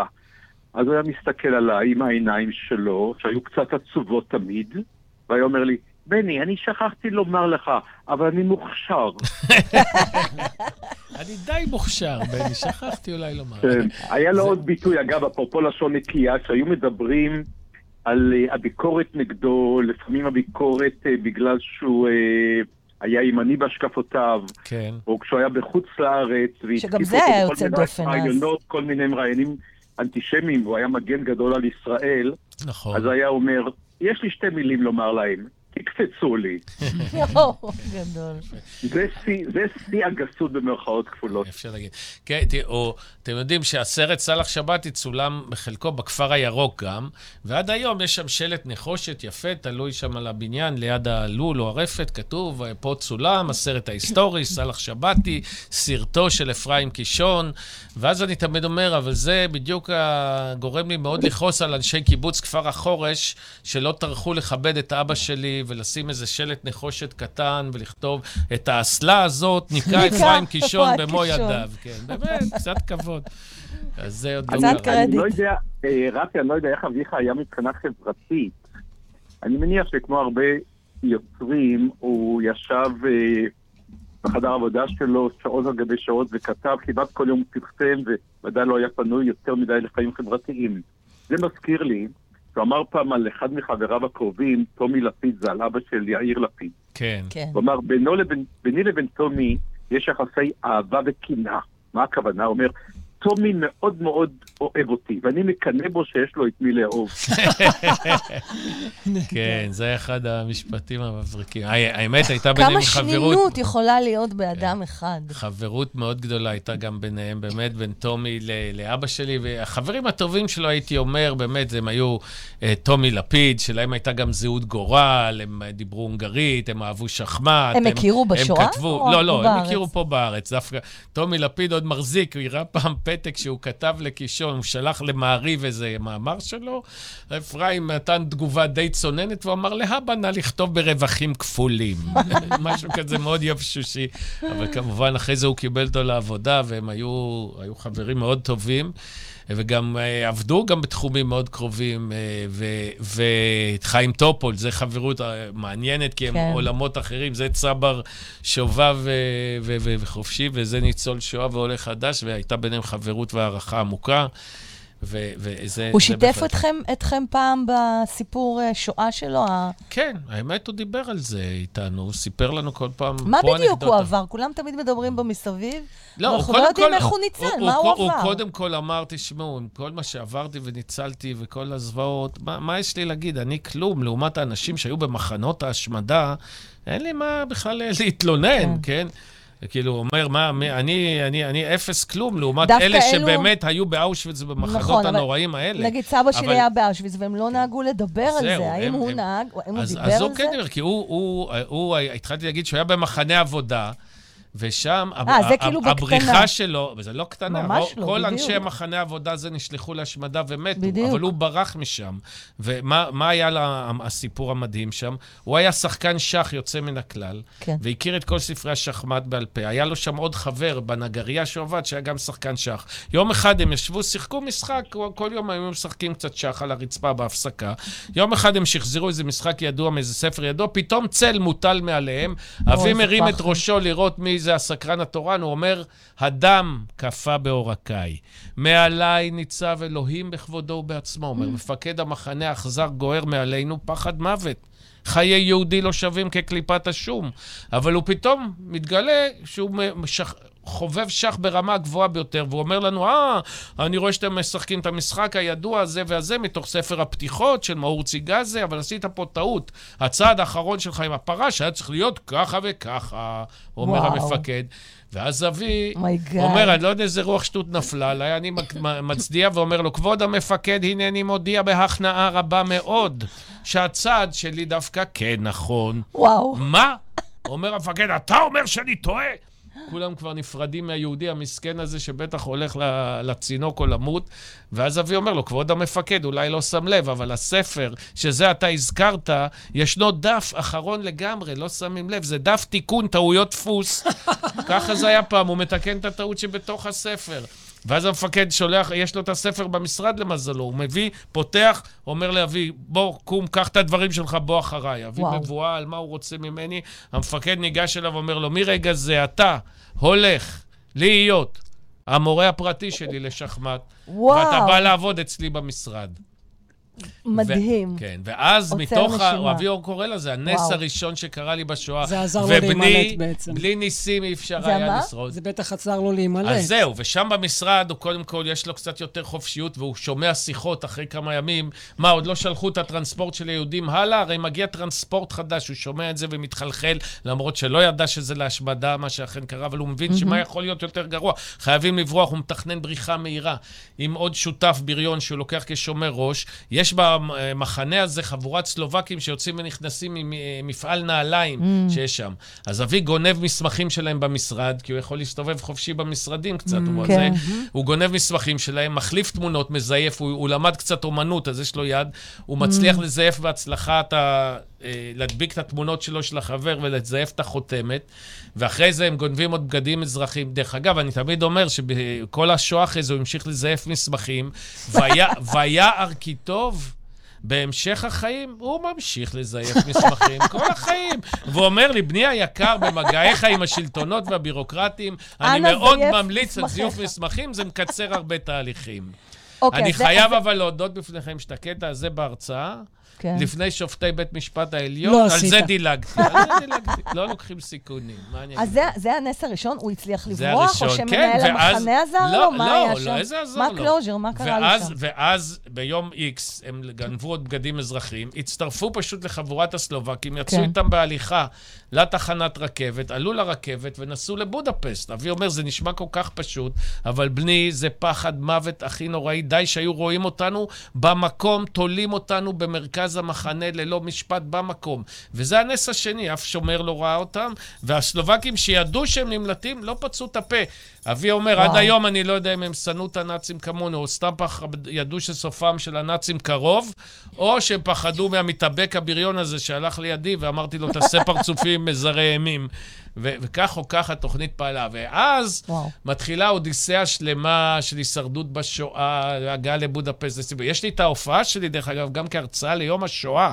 הרצאה נהדרת. שם אני- הכרתי אני- את אופירה עזריאלי גם בנושא השואה אז אני ובהרצאה כבר הזאת. מזמינה אותך לזיכרון בסלון, שאני עושה אה. כאן בתוכנית כל שנה. זה באמת אחת ההופעות השואה המעניינות, כי היא גם מצחיקה, כי אני מסביר איך השואה השפיעה על ההומור הקישוני המיוחד. מדהים. אני עושה את זה לחברות הייטק, הם אומרים, וואו, לא, לא, לא זוכרים הרצאת שואה מרגשת מצד אחד, אבל מהנה כל כך, ואפילו מצחיקה. כל הכבוד. אז בחברות הייטק יש אז- לי כל שנה המון עבודה עם ההרצאה הזאת. אה, בחברות... והנס השלישי? בקצרה? אחרי זה הנס השלישי, כשהם אה, ב- ב- ב- בני, אם בתחנת יש לך הרכבת... להגיד משהו, תגיד. תחנת. הרכבת של בודפסט, הם באים לצאת, הם רואים שורה של שוטרים שאתה עובר ביניהם, בודקים את המסמכים. עכשיו, המסמכים שלהם לא היו מספיק טובים בשביל מזה- להגיד מה הם כן. עושים שם בבודפשט. וכל אחד בודקים לו מסמכים, והחבר עוד הבריון אומר לו, בוא נברח, ונראה. אבי אומר לו, לא, לא, אסור לעשות תנועות מהירות, לדבר, כאילו הכל בסדר, מתקדמים. הכל קול. ורגע כשהם מגיעים ל- לשני השומרים שבכניסה, מישהו לפניהם בורח. השומרים אחריו, נפתח לרגע, וזה, וואו. הם יוצאים, הולכים. וואו, זה... ואחרי זה היו לא עוד יאומן, ניסים, פצצה. שריסקה חצי בית שלהם. שמירה גבוהה, מה שנקרא. הם, הם, הם, הם, ממש. הם, הם, הם, הוא בא לפתוח את הדלת אחרי הפצצה, הוא כמעט נופל, כי חצי בית אה, אה, גולח, ולהם לא הבריחה. הזאת, כן. שרפי מספר, מזכיר לי, מזכירה לי שבאחת השיחות עם אביך, סיפרת לו בדיחה על שני יהודים שהולכים בגולה, ולפתע באים מולם שני גויים גדולים. אז אחד היהודים אומר לשני, בוא נברח, הם שניים ואנחנו לבד. וראיתי שהוא אהב את זה, כי זה גם מתחבר אצלו לזיכרון השואה שהזכרתי. מקודם, שלא הרפה ממנו כל ימיו. זה בדיוק מה אני שאני תמיד חושב אומר, שזה עד יומו האחרון זה ליווה אותו, כן. כן, להשקפת העולם. הימנית שלו. בוודאי. שגם בספר שהזכרתי, הביוגרפי שלו, הוא מדבר על זה לא מעט, וכשאומרים לו בוויכוחים בחוץ לארץ, שאלו אותו אה, מה השתנה אה, במדינת ישראל ובעם היהודי, אז הוא אמר, השינוי היחיד הוא שבפעם הראשונה בהיסטוריה יש לעם היהודי חיל אוויר משלו. או, זה בדיוק. והוא אומר שגם הוא למד שההיסטוריה נקבעת מתמיד על פי עובי המקל שמחזיק הקוף האנושי בידו. נכון, נכון. הוא הבין. שהכוח הוא הדרך להישרד, לכן הוא מאוד העריץ את המדינה שלנו, ושלפעמים היו אומרים לו, אה, מיסטר קישון או מיסטר קיצ'ן, כפי שקראו לו בעולם, באנגלית, מה כן, לדעתך. התשובה לאנטישמיות ההולכת וגוברת בעולם? והיה אומר למראיין הגוי, התשובה שלי לאנטישמיות המתגברת היא טיל רב שלבי עם ראש נפץ גרעיני. רמז לכך שישראל נודעה בכך שיש לה כור כן. אטומי וכולי. כן, אז זה, זה בדיוק מה שאמר. התשובה היחידה המעשית לאנטישמיות, פצצת האטום היהודית. תודה רבה לכם. אתם, אה, תודה כן, רבה לך, כיף. רפי קישון. אה, אה. רגע לפני שאנחנו נסיים, קודם כל אני רוצה אה, להעניק לך במתנה את וואו, לא ידעתי שאת הספר גם שלי. סופרת. כן, מחוברת, צופן ליזה. בני, אתה קראת אותו עכשיו. אני- קראתי ונהניתי, רפי, שווה לך להתפנות לראות את המאבק ההירואי הנפלא של פז בבעיה הגופנית שלה, ואיך היא התגברה, איך היא הפכה את זה להומור. הספר כתוב בצורה מאוד מעניינת ומאלפת. תודה. כן, על זה דיברנו גם בהתחלה. אמרתי, בגלל הבעיה הגופנית, כנראה רצית שיהיה פה וטרינר לידך. זה בעצם ספר התפתחות אה, אישית, ברור. אה, יש לך פה יופי, ממש תובנות, תודה. תרגילים אה, עם הקדשה במהלך אפילו. ה... איזה יופי. כן, עם הקדשה. בני. גם לך מחכה, מחכה. המתנה הזו. איזה כיף. אז לסיום אני רק אגיד עוד פעם, מישהו מהמאזינים שרוצה לבוא לקאמרי במוצאי שבת, שמונה, שש וחצי, מוצאי שבת הקרוב, ה-23. 23 23 לאוקטובר. לאוקטובר. ובנובמבר, אז יש לו קוד הנחה 60, הוא יכול להקליד לקנות 60 כרטיס ויש לכם בקוד הנחות. הנחה ויש לו הנחה, וב-28 כבר אין מקומות, אבל ב-13 ל-11 בנובמבר. בבית קישון באפקה תל אביב, עוד פעם הופעה נהדרת. בבית. רצוי לכתוב את. שני הדברים האלה בתגובות אה, של נכון. השידור נשלח החי בפייסבוק. אה, אני רוצה לסיים בלשאול את שניכם, אה, קודם כל להכתיר אתכם. אז בני, גם אתה כבר, אני יכולה להכתיר אותך, רפי קישון, ואותך, בני דון יחיא, אה, בתור הרוקנרוליסטים של החיים. ובתור שכאלה. אה, תתחיל אתה, רפי, תמשיך אתה, בני. מה הדבר הראשון שהיית אומר לאלוהים כשתגיע שם לשער למעלה? אה, באיזה חדר בגן עדן אבא נמצא? אשמח לפגוש אותו. יפה. בני? אני חושב שטעית בבחירה שלך. אבל אני רק אה, אה, מקווה שלא יהיה, אה, יקרה לי מה שקרה לעורך דין אחד שהגיע לשערי שמיים, ובבקו"ם שם בא בתלונות, מה אתם הבאתם אותי לכאן? אני כולי רק בן אה, חמישי ומשהו. אז המלאך גבריאל מסתכל בספר, אומר, תראה, לפי מספר השעות שחייבת את הלקוחות שלך, אתה בן 95.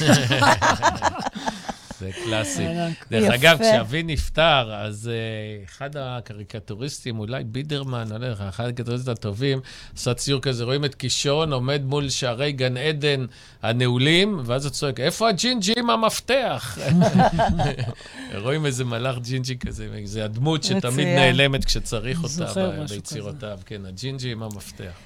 תודה רבה, רפי קישון. בכיף, ערב טוב, לילה טוב. תודה רבה, המון ו- בהצלחה. תודה רבה, עורך דין. הברכה שאני אומר לאחרונה בני, זה כן. שנה טובה וגמר מגפה טובה. אמן. תודה רבה, עורך דין בני דון יחיא, גם. תודה פז ותודה מקס. תודה. תודה. תודה. לילה טוב. הרוקנרול של החיים עם פז מוסקוביץ' גן זך, בתוכנית מפוצצת השראה. המונולוג לאלוהים, אורחים מרתקים, מחקרים הזויים, שעת סיפור ושאר תופינים. כאן פז מוסקוביץ' גן זך, master coach, מרצה ויוצרת לבניית הרצאות, רדיו ופודקאסטים.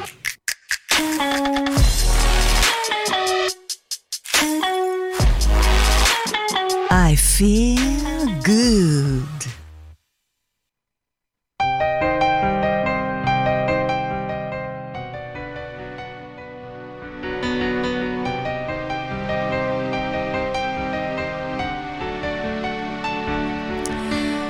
חלק שלישי, המונולוג לאלוהים, והפעם, משפט האבהות שחקר את האל ואת יוסף צימרמן, מי הוא אביו האמיתי של ישו לעזאזל, היכן ומתי האל נולד, ומה קרה לו שם עם מריה הבתולה.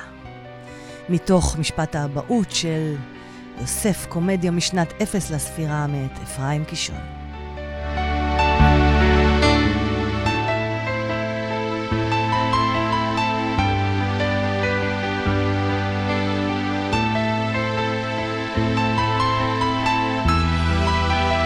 מלווה אותי ירון כהן, Green Image.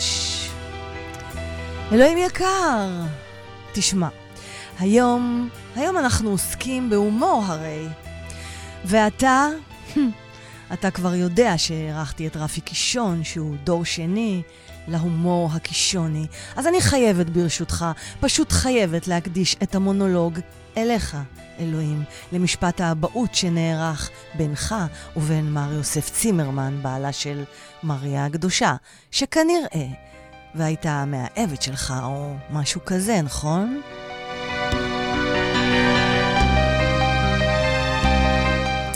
מערכה ראשונה מתוך משפט האבהות של יוסף צימרמן, קומדיה משנת אפס לספירה, מאת אפרים קישון, הוצאת ידיעות אחרונות וספרי חמד.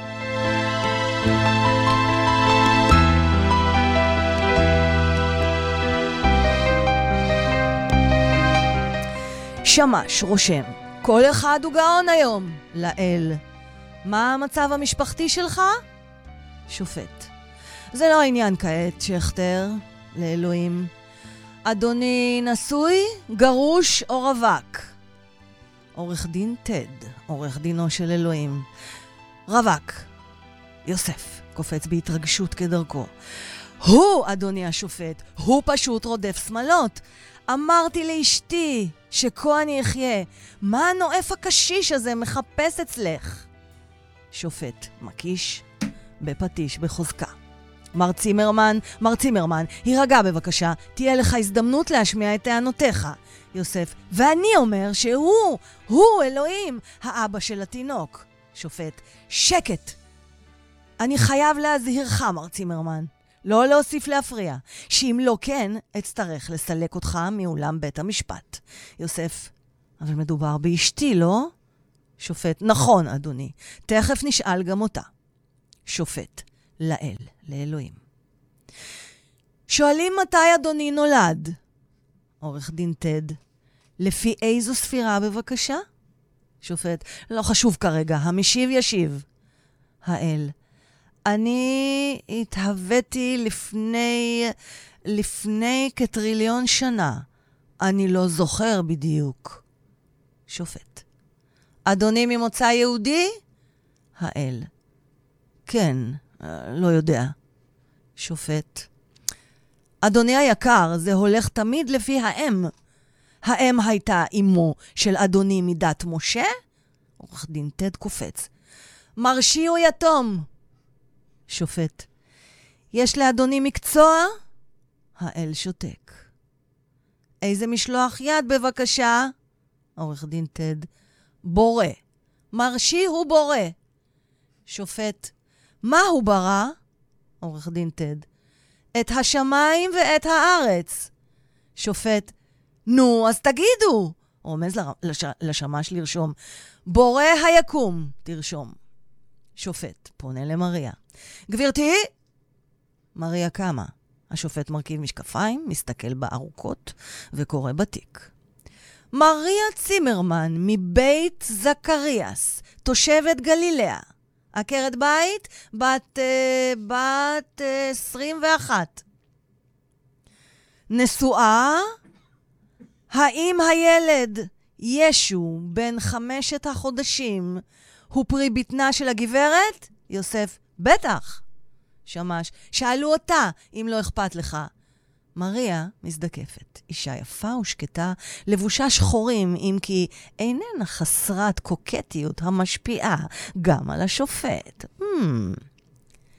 כן, ישו הוא בני, כבודו. ילדתי אותו בבית לחם לפני כחמישה חודשים. עורך דין עקיבא, עורך דינו של יוסף, בעלה של מריה. אבל היא עצמה בתולה. מריה, אמת היא. שופט, זאת כבר שמעתי. השאלה המעניינת היא, מי הוא האב של התינוק? מי האב, גברת מריה? מריה, בעלי. הוא האבא של בני. יוסף קופץ, אני? שמעי, יקירתי. עורך דין עקיבא קופץ. מר צימרמן, מר צימרמן אימץ את הילד, רק אימץ אותו. ישו הקטן הוא לא בנו, הוא בנו של מישהו אחר, מישהו הנמצא כאן באולם. רמז לך, אלוהים, כאן פז מדברת. עורך דין טד, objection! התנגדות. חברי מוציא מסקנות של פסק דין שטרם הוכחו. אני מוחה. יוסף, תגיד לי, מה אתה מוחה? לשופט, כבודו, אני לא האבא. אתה לא האבא. אז מי לכל הרוחות? כאן האבא. יוסף, בסדר, בסדר. אני עוד לא נגעתי באשתי, אני נשבע לך, כבודו, שעד היום הזה. עורך דין טד, אימפוסיבול. ממש מגוחך. יוסף, גם לדעתי. שופט, רגע אחד. אדוני מכריז שרעייתו של מרשו, הגברת צימרמן, היא טרם ידעה גבר. אז במטותא, מניין הילד? שמש, לומר את האמת, גם אני קצת מבולבל. עורך דין עקיבא. התשובה היא פשוטה מאוד, אדון שכטר. העלמה מריה הייתה בתולה בשעה שישו הקטן נולד. זה רשום במקורות. עורך דין טד. אבל חודשים אחרי הלידה עדיין... אני מבקש סליחה, זה לא מתקבל על הדעת שבעלה, עם כל הרצון הטוב, לא נגע בה. שמש לשופט. כבודו, מה לרשום? שופט, מה שאתה רוצה. למריה. גברת צימרמן, אני מנסה לסכם את עדותך. את טוענת שילדת את בנך ישו בעודך בתולה. מריה, כן, זה המצב, כבודו. אני בעצמי לא מעט השתוממתי, אבל ככה זה קרה. שמש, שמעי, גברתי, איך זה ייתכן? שופט למריה, האם זה ייתכן, גברתי? עם כל הכבוד לך, יש לך איזו הבהרה הקרובה יותר להרגלים המקובלים? הלא בלי השתתפותו של... של גורם ממין זכר לא מקובל ללדת. עורך דין טד, בדרך כלל, כבודו, הבעל הוא זה המזיז את העניינים. יוסף קופץ, מצביע על האלוהים. ואני אומר שהוא, הוא האב. עורך דין טד, פרוטסט! אין ראייה גניקולוגית קבילה בנמצא. שופט, מה, לא נעשתה בדיקת רקמות? שמש, בטח שלא. אנחנו עדיין בראשית הספירה. למריה, מרי ליין, את לא פונדקאית במקרה? מריע לשופט. אדוני, אני מבקשת להגן על כבודי. שופט המתחיל להימשך אל היפהפייה שחורת השיער. בהחלט, גברת צימרמן. שמש בית הדין שכטר, איך אתה מעז להטיל דופי בעדותה של אישה כבודה? שמש, שום דופי, אני פשוט לא מבין מה קרה פה. עורך דין טד קם. קרה נס. מבין אלוהים? זו הייתה המערכה הראשונה מתוך משפט האבהות של uh, יוסף צימרמן, קומדיה משנת אפס לספירה, מאת אפרים קישון. אז... Uh, אני, אני ראיתי את זה... רק רגע עוד פעם. כן, אני דרך אגב ראיתי את ההצגה בברלין, בגרמנית. כן, כי נכון. אני דובר היטב גרמנית, ראיתי את הזה, וואו, הקהל היה על הרגליים, standing ovation, את יודעת, זה היה מאוד פרובוקטיבי. מאוד לקהל, פרובוקטיבי. לקהל הנוצרי. אבי כל הזמן העסיק אותו פה, חבר'ה, מה הסיפור הזה פה? מה... רוח הקודש, עניינים, נו באמת, על מי אתם באים לעבוד פה? מה, אנחנו לא, לא פראיירים, ו... ו... אז זה כל השנים הציג לו עד שהוא בסוף הלך וכתב על זה מחזה. הוא החזיר להם, מה שנקרא. הכנסייה לא התלהבה מזה כל כך. בוודאי. אבי דווקא התאכזב שהם לא עשו יותר בלאגנים, כי הוא קיווה שזה יהיה עוד יותר פרובוקציה, אבל... הוא אהב להתסיס, אה? המחזה הצליח מאוד. פה כן. בארץ דווקא היה... הייתה מחשבה להעלות את זה, אבל uh, הקהל הישראלי פחות מכיר את סיפורי הברית החדשה. אחרי זה מגיעים כל מיני עדים, השליחים, האלה, השם, כל מיני דמויות uh, שפחות מוכרים, מי שלא מכיר, אז... Uh, אבל, כל הסיפור הזה תמיד מאוד העסיק אותו. מה הוא יצא. אמר באמת? מה אפרים קישון אמר על אלוהים? אה, הרי הוא אמר שקראו לו ניסים בשואה. אתה- תשמע, אלוהים, כן. אנחנו בקטע של המונולוג כן. לאלוהים. אלוהים, אלוהים כאן בשיחה איתנו. תראי, הוא לא... אפרים האמין בו? הוא, לא, הוא לא התעסק לקבל את אלוהים כאיזה, נגיד, אה, ישות אנרגטית אדירה שמניעה את היקום, לא הייתה לו בעיה. אבל כן. בתור איזה תגרן קטן שמוריד חוס- חוטקים קטנים לבן אדם ו- ובודק כל אחד ואחד לא מה... ברמת הדת זה- והטקסים. זה, כן, זה פחות אה, היה- היה לו קל להאמין, בטח ובטח כי הוא מוריסטן. כן. אה, הפעם שאלו אותו באיזה ב- ב- באירופה, אמרו לו, מר קישון, אתה מאמין באלוהים? אז הוא אמר, כן, אני מאמין, אני אגיד לכם גם במה. אני מקווה מאוד שאתם תכבדו את האמונה שלי כמו שאני מכבד את שלכם. מעמדכם אמרו, כן, כן, כמובן. הוא אומר, אני חושב שאלוהים האמיתי... זה האלוהים של המצרים הקדומים, אותו אדם שהוא חצי אדם וחצי דמות של ציפור, אני השתכנעתי שזה דווקא האלוהים האמיתי. עכשיו, המנחה, הוא לא ידע עכשיו אם זו בדיחה קישונית, או שהוא באמת צריך לכבד את האמונה העמוקה שלו בציפור הזאת. זה היה כזה קצת נבוך. הוא אומר, אני, מי אמר שלא? זה לדעתי האלוהים האמיתי, הציפור הזאת. מצוין, שמעת אלוהים? אז זה נותן לך תשובה, אני מקווה. לגמרי. להתייחסות. אז אה, תודה רבה, רפי קישון.